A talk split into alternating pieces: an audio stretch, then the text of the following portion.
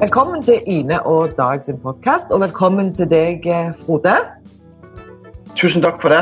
Eh, du er forsker, eh, psykolog, eh, har skrevet en del bøker, bl.a. Vårt indre liv, livet, livet som deltidsforeldre, Utro, om kjærlighetens bakgater. Kan du ikke fortelle litt om hvem du er? Jo, jeg er jo som du sier, altså en psykolog og forsker eller professor og har jobbet med familierelaterte spørsmål og samliv spesielt da i 20-25 år både som forsker, men også som eh, klinisk psykolog og som debattant og spaltist. Jeg har jo en spalte i A-magasinet som jeg har hatt i 15 år, hvor jeg mottar spørsmål fra, fra folk som går på spesielt eh, samliv og nære relasjoner. Og så har jeg skrevet disse bøkene. Og så er jeg mye rundt og holder foredrag og sånn. Så dette er ting jeg driver med på litt ulike måter i, eh, og har gjort i, i veldig mange år. da. Mm. Får du mye reaksjoner på, på, de tingene du skriver? Er det sånn at når du går i selskap, så begynner folk å snakke om samliv og, og sex med en gang? alt du si? ja, noen ganger så er det sånn, faktisk. Men, eh, men det, er jo, det er jo som regel bare hyggelig, det. Ja. Så Jeg har aldri opplevd det som noe sjenerende eller vanskelig. Men, men, ellers så, så er det jo ikke nødvendigvis alltid at folk skal snakke om det. Da. Det handler jo litt om tid og sted og ja, hvem som er samlet. Ja. Men du, eh, som psykolog så kan man jo velge ulike retninger, ikke sant? Hva er det som gjorde at du valgte dette? Altså familie, samliv. Hva var det som gjorde at du på en måte ble eh, så fascinert av dette at du hadde lyst til å holde på med det i 25 år og sikkert enda lenger? Det var nok litt tilfeldigheter. Altså, I utgangspunktet så er jeg eh, opptatt av relasjoner. og altså, når jeg da en gang valgte å bli psykolog, så var det fordi jeg var opptatt av mellommenneskelige relasjoner og det som foregår på innsiden av oss.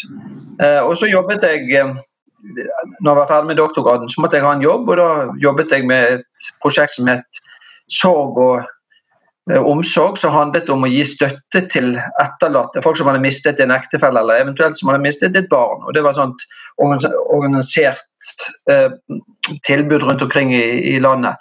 Og når vi jobbet med disse spørsmålene, så dukket spørsmålet om hva med de som da er skilt? De jo mister jo en partner, og barna mister en far eller mor, eller mister i hvert fall mye av kontakten. Og så begynte vi da å undersøke om finnes det noen lignende type tiltak til de som opplever skilsmisser. Og dette var på midten av uh, eh, 1990-tallet. Og Den gangen så var det veldig lite tilbud til folk som gikk gjennom en skilsmisse. Og, og, Så begynte vi da å forske på det og begynte etter hvert å starte egne sånne skilsmissegrupper. Og, og Fra det skilsmisseperspektivet så har jeg da også etter hvert beveget meg mer inn i hvordan kan vi unngå skilsmisser? Altså, hvordan kan man forebygge at folk får problemer? Og hvordan kan man hjelpe par som har utviklet problemer? Så jeg har beveget meg liksom fra skilsmisser til samliv. da. Mm. Jeg må bare spørre, Har du sett på dette her eh, parterapi? Ja, ja. Absolutt. Syns du det er morsomt? Jeg syns det er veldig morsomt. Absolutt. Det er gjenkjennelig også. Og disse karakterene er jo på en måte noen karakterer man kan møte i, i praksis også. Men selvfølgelig her er det jo mer outrert eller mer spesielt. Men, men noe av de trekkene og egenskapene kan jo absolutt komme til uttrykk blant vanlige klienter også. Mange kjenner jo kanskje deg først og fremst som øh, den rådgiveren i disse spaltene som du skriver om det som du nevnte. Øh, jeg regner med at du får en god del eh, jeg, post eller eh, henvendelser. Hvordan jobber du med å velge ut, for du kan ikke svare på alt på trykk i alle fall. Hvordan jobber du med å finne liksom, den gode storyen for, for dette magasinet? eller? Ja, altså det er jo å ta de spørsmålene som er mest interessante og relevante. og Det er ikke så fryktelig mange spørsmål. sånn at det er et problem å velge ut gode spørsmål. Det er mer det at, at uh, de gjerne sender spørsmål som er knyttet opp til det som har vært den siste spalten. Eh, fordi at man er interessert eller blir engasjert, eller det minner noe om de selv har opplevd. Så det å finne nye vinklinger, og, og som er relevant og interessant også for andre, ikke bare for den som sender inn. Um, så hvis det er gode, interessante spørsmål, så kommer de stort sett på trykk. Ina and Dog's fabulous podcast. Ina and Dog's amazing podcast. Ina and Dog, fabulous, amazing, extraordinary podcast.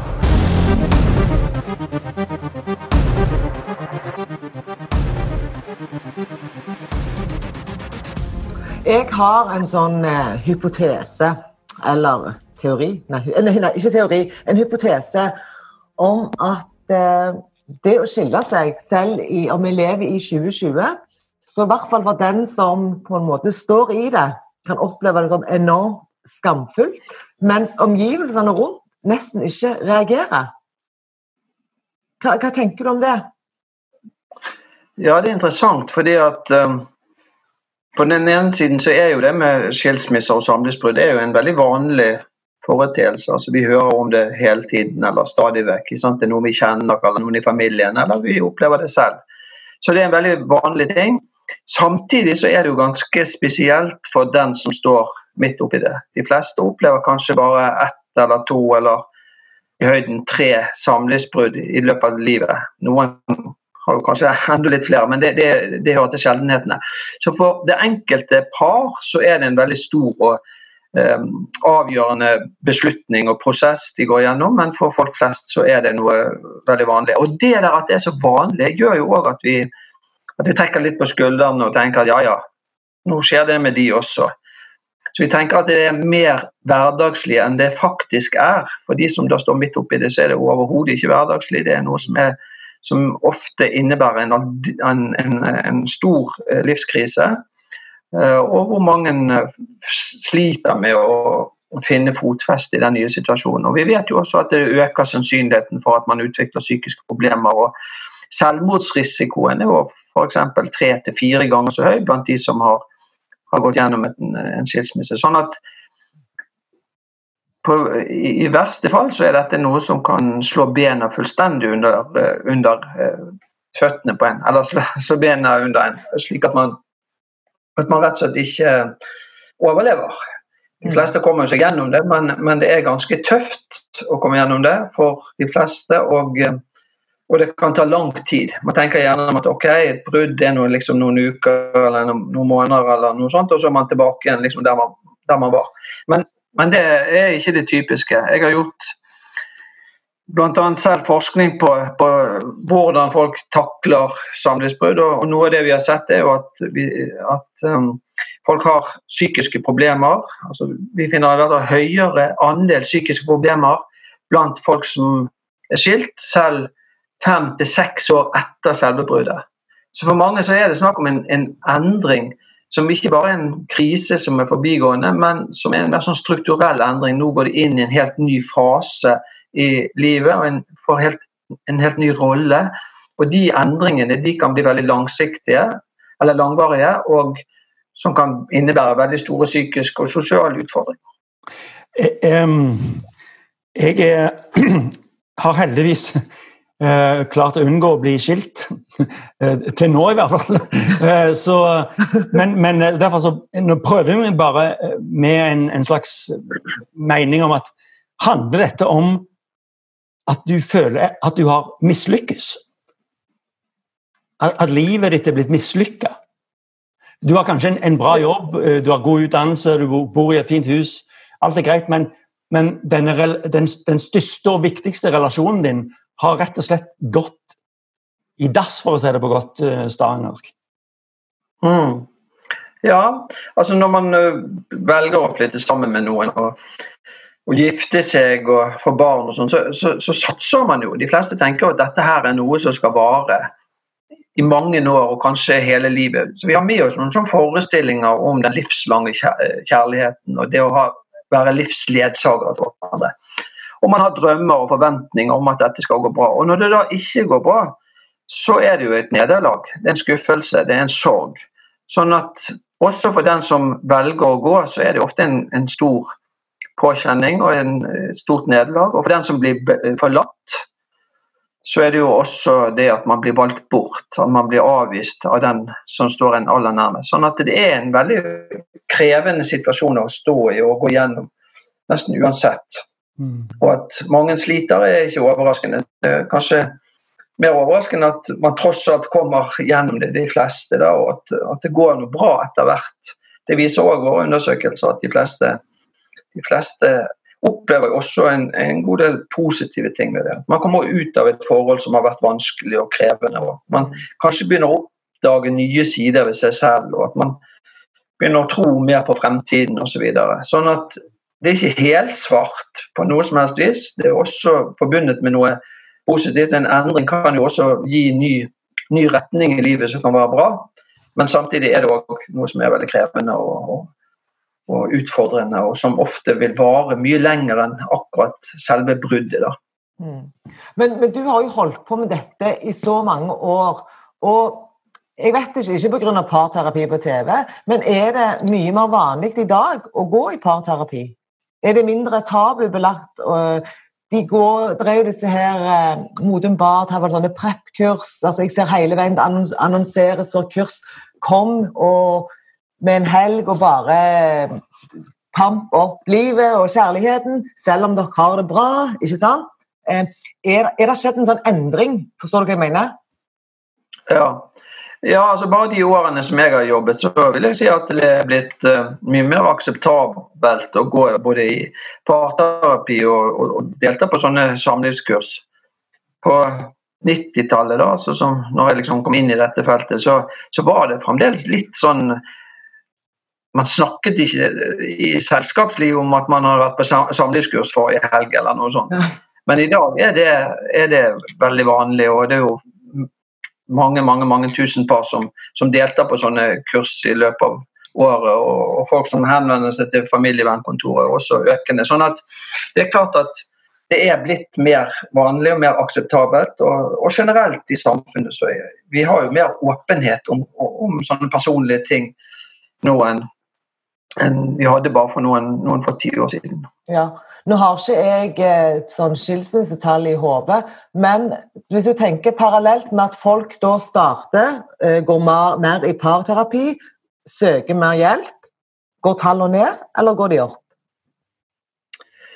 Ja, altså de går faktisk ned. Når vi ser på skilsmissetallene, så har de gått ned de siste ti årene omtrent. Det var en topp i 2005, var vel det høyeste tallet som vi har hatt. Og så har det gått jevnt nedover frem til 2015-16. Og så har det flatet litt ut de siste tre årene.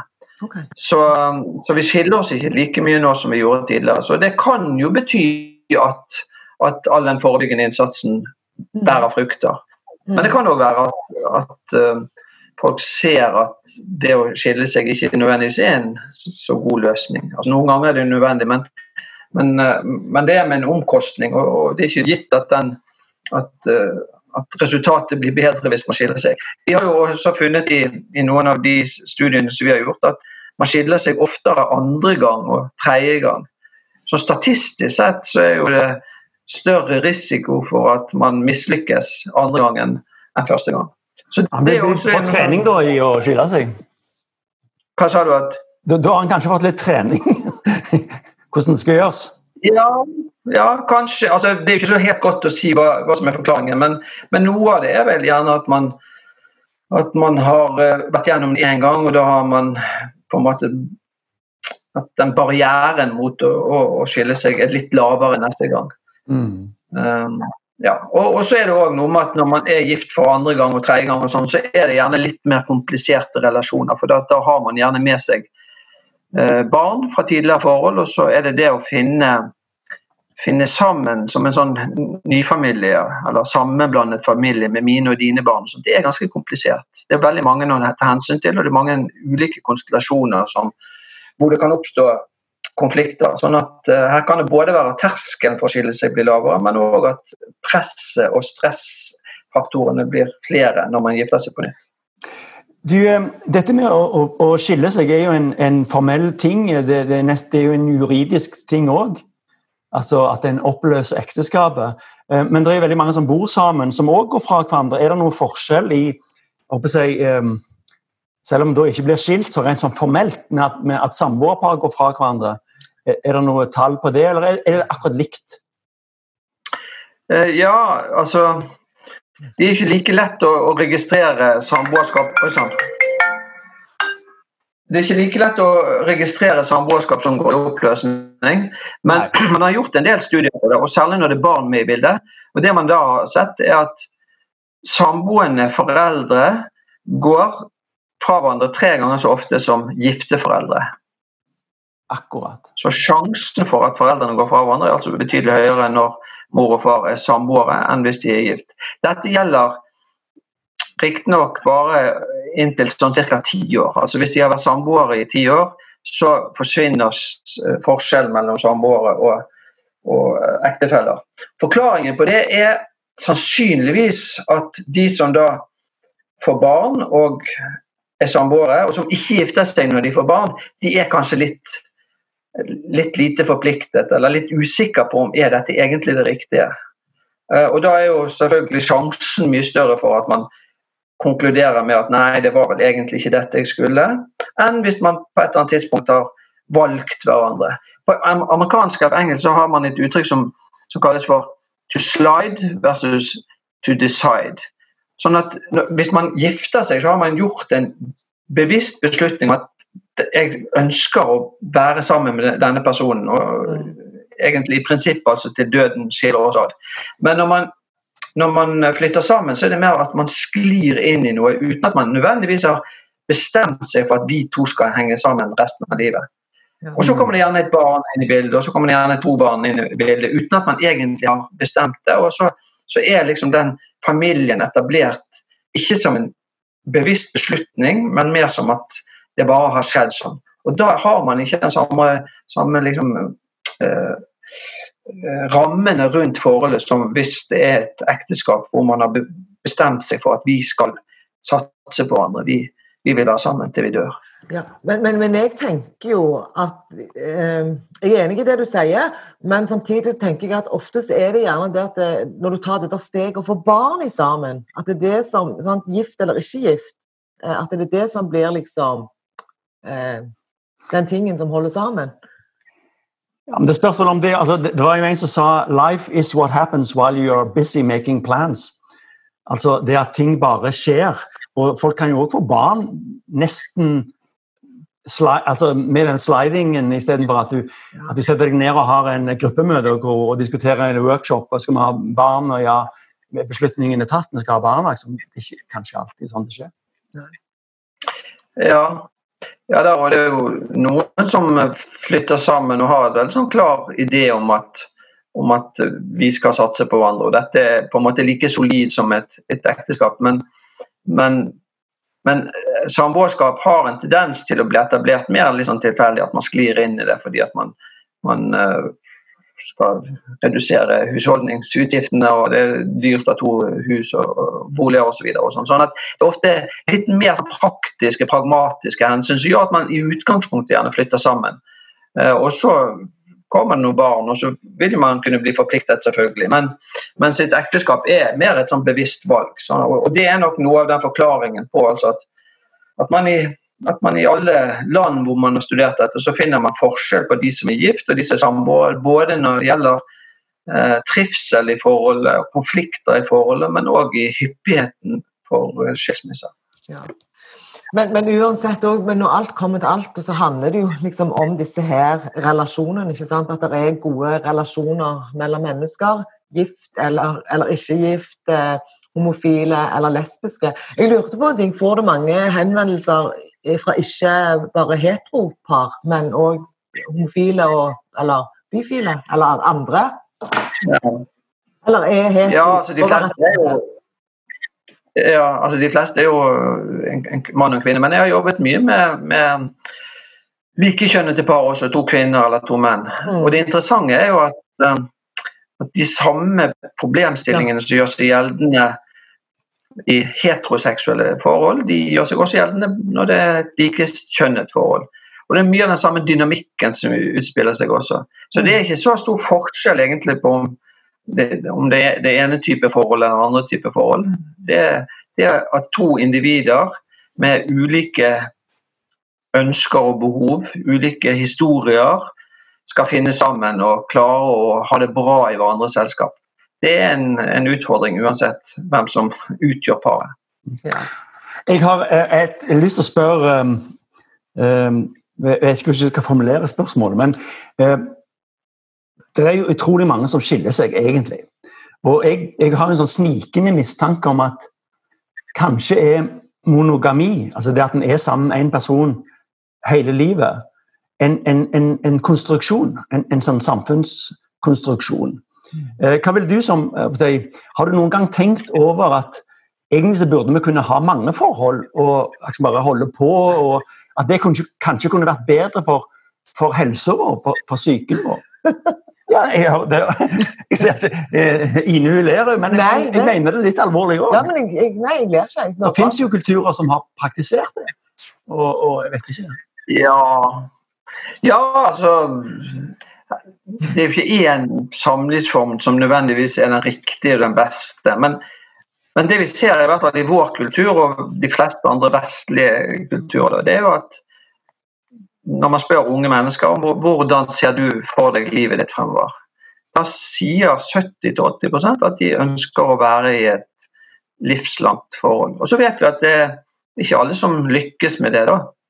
Men, men det er ganske få som har som utgangspunkt at jeg vil ha et sånt um, polyamorøst forhold altså med flere, eller at man skifter med fem års mellomrom eller noe sånt. Altså De fleste har et ønske og en ambisjon om å leve i langvarige monogame forhold. Og så er det sånn at Én ting er idealene og ønskene og visjonene, andre er jo at det er vanskelig og krevende. sant? Og jeg pleier av og til å sammenligne litt med, med trafikkreglene. Altså, vi trenger trafikkregler for å regulere trafikken, men det er ikke alltid vi overholder trafikkreglene. Og litt sånn er det med et ekteskap også, eller samliv. At vi trenger noe som på en måte organiserer og regulerer måten vi er sammen på, ikke minst måten vi oppdrar barn og hvor, hvilke rammer barn har rundt seg. Mm. Eh, Men så, samtidig livet er vanskelig og krevende, og, og noen opplever at det ikke går. I hvert fall ikke første gang, og kanskje ikke andre gang. og Noen er utro osv. Så sånn her er det selvfølgelig opplagt skjær i sjøen. Men når man har på en måte prøvd å lage liksom en slags ideologi eller en slags eh, et alternativ til det monogame eh, parforholdet, Eh, og da tenker jeg jo særlig sånn på 70-tallet, hvor man flyttet sammen i, i, i kollektiv, hvor liksom man skulle dele på alt, også på sex og nærhet og sånne ting. Det gikk jo ikke bra. Det gikk jo ikke bra. Det må man vel kunne si fra, eller kunne slå fast. Og, altså, snakk for deg sjøl! hvordan, vi er skrudd sammen så, fra naturens side. Altså. Vi er utstyrt med sjalusi, f.eks. Ja. Sjalusi er en ganske grunnleggende følelse hos oss. Og hvis vi har et, en relasjon som er veldig sånn åpen, eller hvor det er veldig usikkert om vi kan satse på den andre, eller om den andre vil være her for oss, så vil vi også kjenne på utrygghet, kjenne på mistillit og kjenne på sjalusi. Og vi har det ikke så veldig godt da, altså. Nei. Så gode, trygge, stabile parforhold er antagelig den beste måten å leve sammen, både som voksne, men ikke minst for barn å vokse opp under sånne rammer. I've heard people say that too much of anything is not good for you, baby. But I don't know about that. As many times as we've loved and we've shared love and made love, it doesn't seem to me like it's enough. It's just not enough, baby. It's just not enough. Oh, oh baby. Oh, baby. My darling, I can't get enough your love, baby. Når vi først har en samlivsekspert, så må vi jo bare spørre. Eh, Men tenker du at eh, Sånn jeg nesten ikke tør å spørre. eh, Er det forskjell på sex og kjærlighet? Ikke sant? Eh, Sex, sex er sex, eh, kjærlighet er kjærlighet. At det er to forskjellige ting. Ja, jeg er delvis enig. altså. på en litt annen måte, sex er en veldig mangfoldig type aktivitet. Og noen ganger kan man ha veldig eh, hva skal jeg si, følelsesløs eh, sex, altså hvor man ikke trenger å ha noe slags kjærlighet i bunnen eller føle noe tilknytning til den man har sex med. Altså det, det er et pul eller knull. Eh, mens andre ganger så er jo kjærlighet eller sex uttrykk for en veldig intim og inderlig kjærlighet. Mm. En, må, en måte å, å, å, være sammen på som nettopp understreker at vi to hører sammen, og vi to Mm. eh, har unikt, eh, en unik relasjon. Så sex er jo så mangt, men opp, opplagt en del av et kjær, kjærlighetsforhold. Men det kan jo utmerket godt fungere også utenfor et kjærlighetsforhold. Mm. Du, mens vi eh, snakker om sex eh, eh, I din tid som, som terapeut så har jo pornoindustrien vokst seg veldig stor og er blitt en veldig stor del av, av folks liv. altså Til og med unge, veldig unge mennesker. Og det er en kolossal konsum av porno som jeg tror vi aldri har sett maken til. Eh, Jeg husker når jeg var liten guttunge sjøl, da var det noen sånne små pornoblader vi klarte å få tak i. Men, men, eh, ja, men nå er det jo liksom sånn all over the place på alle flater. Eh, Har du noe å si om hvordan det påvirker oss? Har du betrakta det, eller har du opplevd at det har blitt et problem i, i parforhold? Og... Eller er det bare godt? Ja, altså, her er det jo det er vanskelig å si. Altså, det, det, det, finnes jo noen sånne puritanske, konservative, religiøse grupper som mener at eh, pornografien er liksom eh, det verste faren for kjærlighetsliv og seksualliv og, og sånn. Jeg er nok ikke eh, så pessimistisk. Jeg tenker at pornografi har en plass. Og mange har De har ikke en partner. Og da er jo por- pornografi en god, et godt substitutt. Um, og og noen partnere syns at det å, å se porno sammen kan være ganske krydre seksuallivet og sånn. Så porno som sådan ikke jeg spesielt kritisk til, men det er selvfølgelig mange sider ved pornoindustrien som er i all grunn til å være kritisk til. Mm. Eh, Så, så her må man liksom skille mellom pornografi som fenomen og pornografi som industri. Og, og, og som fenomen er jeg ikke spesielt skeptisk til, til eh, pornografi, men industrien har jo absolutt sine svin på skauen som, som vi kan diskutere. Men Det kan jeg jo si om, om eh, klærne våre òg, som blir lagd i barnefabrikker. Og, og, altså, det, er veldig mye annen industri som òg har svin på skogen. ja, helt enig. Så, Ja. og det finnes sikkert òg lykkelige folk som driver i pornoindustrien og, og har det helt greit. Ja, da, jeg hører av og til eh, altså disse mest uh, ihuga pornomotstanderne som fremstiller pornografi som, som sånn kvinneundertrykkende og, og fordummende. Og alt sånt. Og, det er klart at det er jo en del av pornografien også, men pornografi er jo, er jo veldig mye det også. Akkurat som sex er veldig mye. Så, og det er jo så en enormt mangfold av pornografiske tilbud, for å si sånn. Og hvis man går inn og orienterer seg litt der, så er det jo faktisk finnes det jo faktisk ganske mye pornografi som, som på en måte grenser opp til mer sånn, eh, hva skal si, kunstnerisk uttrykk. også, sånn at her er det fra det veldig veldig vulgære og fæle til det som absolutt eh, kan være givende og meningsfylt å se på. Jeg tror ikke vi skal legge linker til sånne steder i, i, under podkasten. jeg tror ikke vi gjør det denne gangen. Men, men jeg så i hvert fall det, eller jeg leste vel at under korona, under den første nedstengningen, så var det en skikkelig økning på Pornhub eller noe sånt. Stemmer ikke det? Ja. jeg som har lest det? Nei, stemmer det. Nei, det er riktig. Det er riktig. Mm. Det er veldig mye pornoforbruk i, i de første tre-fire ukene. Men du, Ja. vi skal snart eh, runde av. Men jeg har eh, det jeg òg tenker eh, meg og Dag satt og, og snakket. Eh, vi sitter ofte og diskuterer ting som vi liksom undrer oss over. Og, ja. Eh, og det så, Menn og kvinner, 60 pluss, eh, sexlyst, ikke sant? Jeg mener at eh, menn eh, er mer på enn det damer er. Er det, er, er det noen forskning på det?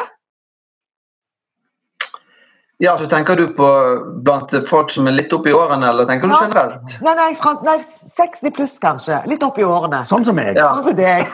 nei, ja. Ja altså Det er jo store individuelle forskjeller i hvor mye sexdrift man har. Ja. Både blant uh, yngre og blant eldre. Men det er nok generell, generelt en tendens til at eh, menn har litt mer seksuelle drifter enn en kvinner. Og det kommer til uttrykk på alle mulige måter. De onanerer mer, og de ser mer på porno, de tar mer initiativ til sex, de ønsker mer sex osv. Så sånn at det er noen Eller det er en, en lang rekke eh, uttrykk for seksualitet og, og, og seksuell drift som, som, som, viser at menn er, er mer libidiøse. Da. Og det gjelder jo også opp i årene. Men samtidig så er det store individuelle forskjeller. og Det finnes mange kvinner som er høyst uh, seksuelt aktive og har stor glede av sex også etter 60 og 70 for den saks skyld. Faktisk Når man spør, eh, spør litt eldre aldersgrupper, så, så er det forbausende mange som har, har et aktivt seksualliv og som har stor glede av eh, sexen langt inn i pensjonistalderen. Men nå sitter jeg og tenker på den reklamefilmen som var så populær for noen år siden, med hun dame som sier, en litt eldre dame som sier til sin litt eldre ektemann Du får vente til fredagen. Jeg ser om du husker den? Ja da, ja. Siden det er fredag i dag, så tenkte jeg kanskje at det var en god historie. å dra fram. Ja, det er fredag. Ja, nei, men altså, det er jo noe med altså, at Historisk og tradisjonelt så er, er kvinnen liksom gatekeeper. Det er de som på en måte definerer når det blir sex. Uh, og, og så kan si sånne ting. Mm. Det får vi se på til, til fredag. Det er ikke så mange menn som sier det. da. Men noen ganger er, det, er forholdene opp, snudd opp ned. Og, og da er det jo for så vidt litt den samme dynamikken som, som spiller seg ut. men, men når du sier langt over pensjonistalder, altså når man er 80, 80 år Noen 80-åringer har liksom ja, 80 år, hva er 80 år i dag? Eh, De har kanskje fortsatt et aktivt sexliv som 80-åringer. Ja. Mm. Det nok, altså, jo eldre de blir, jo, jo lavere er den andelen. Men, men, men altså, langt opp i både 70-årene og 80-årene så er det folk som, som har et aktivt og velfungerende sexliv. Det er bra å høre. Myten om at sexlivet forsvinner når, når kvinnen går i overgangsalderen, det, det, det er jo helt eh, det er feil. Altså, de fleste har et sexliv også etter overgangsalderen, og, og i mange tilfeller mange mange, mange år etter overgangsalderen, og kan gjerne ha det vel så bra i den perioden som, som når, man, var- når man var yngre. Ina and Dog's fabulous podcast. Ina and Dog's amazing podcast. Ina and Dog, fabulous, amazing, extraordinary podcast.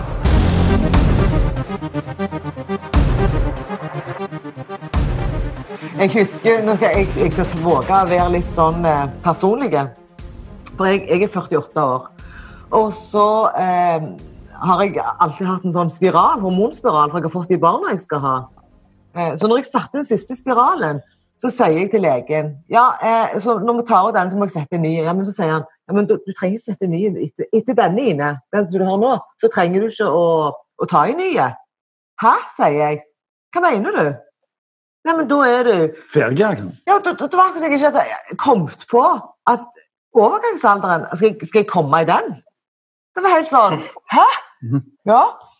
Så eh, Men eh, den kommer nok eh, en vakker dag, den òg. Hvordan ble det med deg? Fikk du ny, du, eller? Nei, jeg, har, jeg har, vet ikke om jeg er nei. ikke det. er. Dette tror jeg, akkurat det må vi klippe vekk. Nei, nei, nei, nei, det skal vi absolutt la Nei, det skal vekk. Men du, Frode, litt sånn avslutningsvis. Um, hvis du skulle gitt et råd um, til noen som lytter på, uh, og som kanskje strever i, uh, i parforholdet eller i relasjonen, um, hva vil du råde dem til å gjøre? Eh, altså Et grunnleggende råd er jo å, å, å prøve å komme den andre i møte. For veldig ofte det som skjer når man har problemer, er at man, man opplever at den andre har lare problemer, og at en selv er på en måte et slags offer for den andres urimelighet eller krav. Sant? Mens under disse her eh, beskyldningene og anklagene og bebreidelsen og sånn som man veldig ofte kan kjenne på eller gi uttrykk for, så er det ofte lengsel etter nærhet, lengsel etter kontakt, lengsel etter bekreftelse. Så hvis begge parter klarer å liksom løfte seg litt ut av de der umiddelbare kranglene og de sporene de har kommet inn i, og så ser liksom, hva det egentlig handler om. Jo, det handler om at vi trenger å bli sett, vi trenger å oppleve at den andre er der for oss. Og hvis begge klarer å gi det, klarer å komme den andre i møte, så, så er det en helt annen type dynamikk som oppstår, oppstår enn hvis man driver og hakker på hverandre eller bebeider hverandre og beskylder hverandre. Så det handler om å spille hverandre god istedenfor å spille hverandre dårlig. I utgangspunktet så har man jo valgt hverandre fordi man likte hverandre, fordi man var tiltrukket hverandre, fordi man ønsket å få det til sammen. Og det er noe med å prøve å komme tilbake igjen til der vi var i utgangspunktet, der vi faktisk valgte hverandre. Mm. Det krever bevissthet og det krever oppmerksomhet og det krever evne til å løfte deg ut av den umiddelbare situasjonen og til den, de, de, negative følelsene som ofte oppstår når man, når man spiller hverandre dårlig. Mm. Det syns jeg var veldig fine råd, og faktisk så vil jeg ikke slippe deg helt ennå. For jeg, mens du snakket, så kom jeg på en ting, og det var det Når man jobber med dette eh, i egne relasjoner, hvis man da blir uenige eller krangler, eller er man alt, klarer man alltid å være eh, altså Ta de rådene man sjøl gir andre? Nei, altså det er jo ikke alltid så lett å, hvis man blir veldig, blir veldig um, opprørt, krenket, veldig redd, veldig sint så mister vi jo litt av evnen til å tenke rasjonelt. Mm. Til å hente frem klokskapen og, og, og, fornuften. Sånn at Da gjelder det jo liksom å anerkjenne det. da, At nå er jeg faktisk så oppskjørtet, nå er jeg så opprørt at jeg klarer ikke å være en god utgave av meg sjøl. Nå foreslår jeg at vi tar en pause, og så roer vi oss ned. Og så fortsetter vi når vi liksom begge har funnet litt mer som fotfeste. Så det å kunne ta en timeout og gjenkjenne de situasjonene hvor man mister evnen til å være rasjonell, det er òg en av kunsten med å, å, å, lykkes i et forhold. Ja, for vi er jo, vi er jo alle bare, bare, mennesker, ikke sant? Enten vi er psykologer eller eh, jobber med reklame eller jobber i barnevernet, ikke sant? Altså, eh, så er det ikke sånn at alle som jobber i barnevernet aldri kan bli sinte eller sure eller kjefte på egne barn? For han alltid gjør alt helt riktig. Det handler jo om å være mennesker og sånn som du sier, erkjenne sine egne svakheter og, og klare å prøve å stoppe seg sjøl, ta timeout og alle de tinga. Kanskje en kan forvente at en har litt mer verktøy i kassen, men, men mennesker er mennesker, og følelser er følelser, og alltid er det, det er jo ikke alltid lett. Men, men eh, men takk for uh, at du hadde lyst til å være med oss, Frode, og uh, for en interessant uh, samtale. Ja, tusen takk. Og så vil vi ønske deg en riktig god helg. Mm. I dag er det fredag, vet du. ja. Gudskjelov fredag, er det ikke det heter? Ja. Takk for meg, og god helg til dere også. Tusen takk. Ha det bra. Ha det. Ha det bra. Ha det. Hyggelig. can't get enough of your love, babe. Girl, I don't know, I don't know why. Can't get enough of your love, babe.